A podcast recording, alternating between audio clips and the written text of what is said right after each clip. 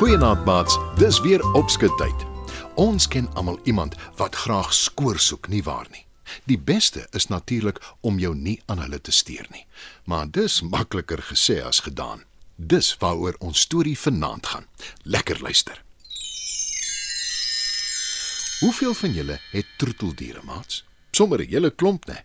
Party mense hou van honde, ander van katte. Daar word gesê dat honde die mens se beste vriend is. En katte, hulle is bekend daarvoor dat hulle hulle nie veel steur aan ander nie. Ons storie gaan oor Bixie, 'n baie gelukkige worshond. Hy bly saam met Chrissy wat lief is vir hom en hom baie goed behandel.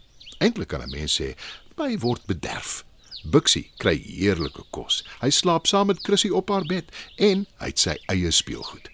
Sy gunsteling is 'n groen bal. Hy speel elke dag daarmee en hou veral daarvan as Chrissy dit vir hom gooi.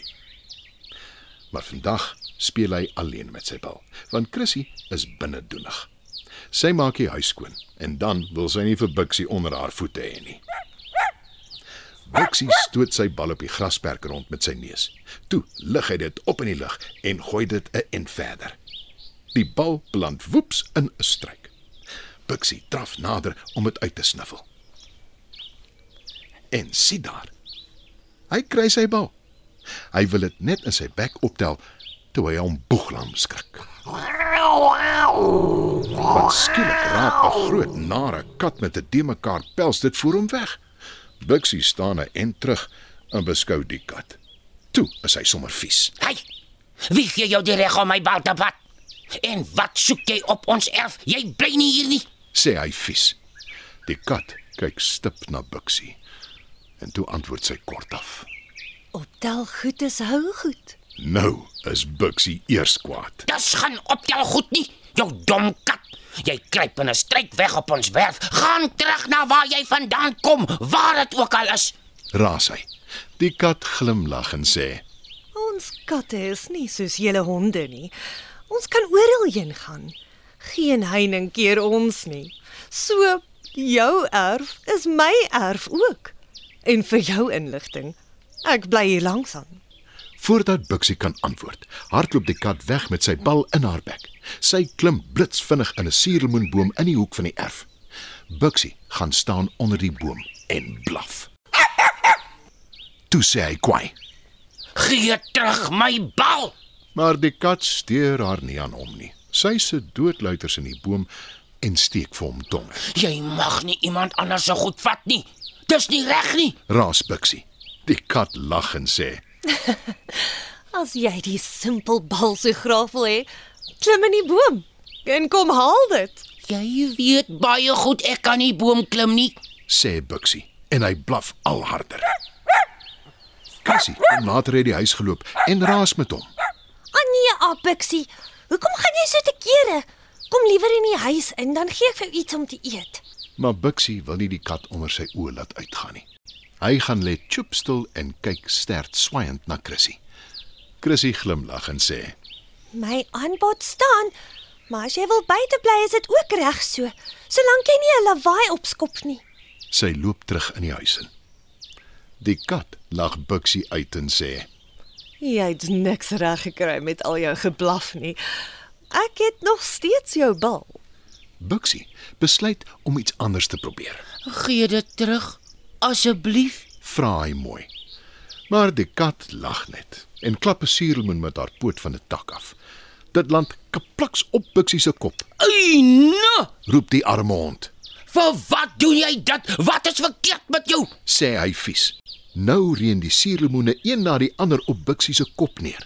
Hy koes hier, hy koes daar, maar die meeste van hulle tref hom. Die kat geniet haar gate uit.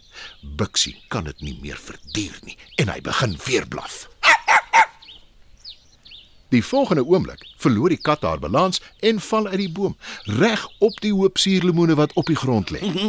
Ja, sien jy nou? sê Bixie. Maar die kat roer nie eens nie. Wat nog te sê hom antwoord. Bixie gaan nader en sien die kat het haar dusnis geval en sy is so uit soos 'n kers. Chrissy het ook intussen nader gekom. Sy beskou die spilletjie en besef dadelik wat gebeur het. Die kat het jou geterg, na my hond. Dis hoekom jy so geblaf het. My arme Buksie, het die tirasie jou met suurlemoene gegooi. Vergeet nou van die kat. Ek gaan vir jou maalvleis opskep. Kom ons gaan binne toe. sê Chrissy en sy stap by die huis in. Bixie wil volg, maar toe sien hy die kat kom by. Hy kyk stip na haar. Die kat skud haar kop en kyk om haar rond. Hoe lank was ek uit? Vir die kat weet, 'n Hele ruk. antwoord Bixie. Die kat kyk verbaas na hom en sê: Maar jy doen niks nie. Hoe jy kom my maklik gebyt het. Veral oor ek jou so lelik geterg het. Nee, wat? Ek dink jy het jou les geleer. antwoord Bixie. Toe vat hy sy bal wat intussen uit die boom geval het en hy loop in die huis in. Die kat spring oor die heining terug in haar eie erf. En sy het Bixie nooit weer geplan nie. Sy het inderdaad haar les geleer.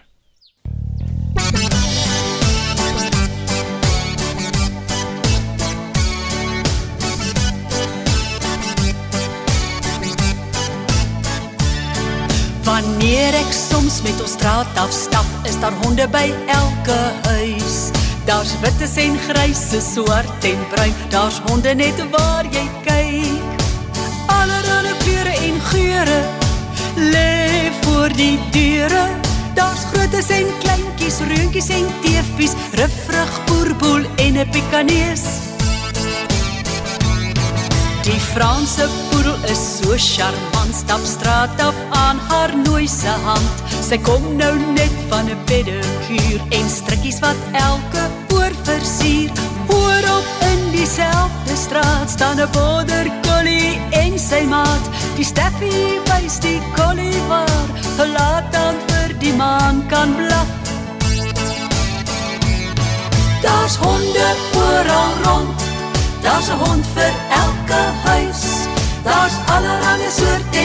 en allerlei kleure. Daar's 'n hond vir elke huis.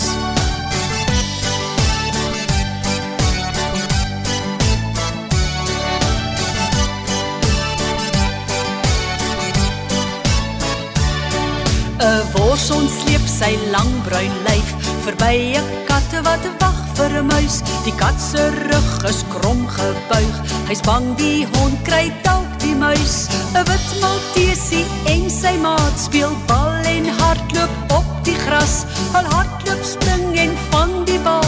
Die seentjie draf so al wat hy kan.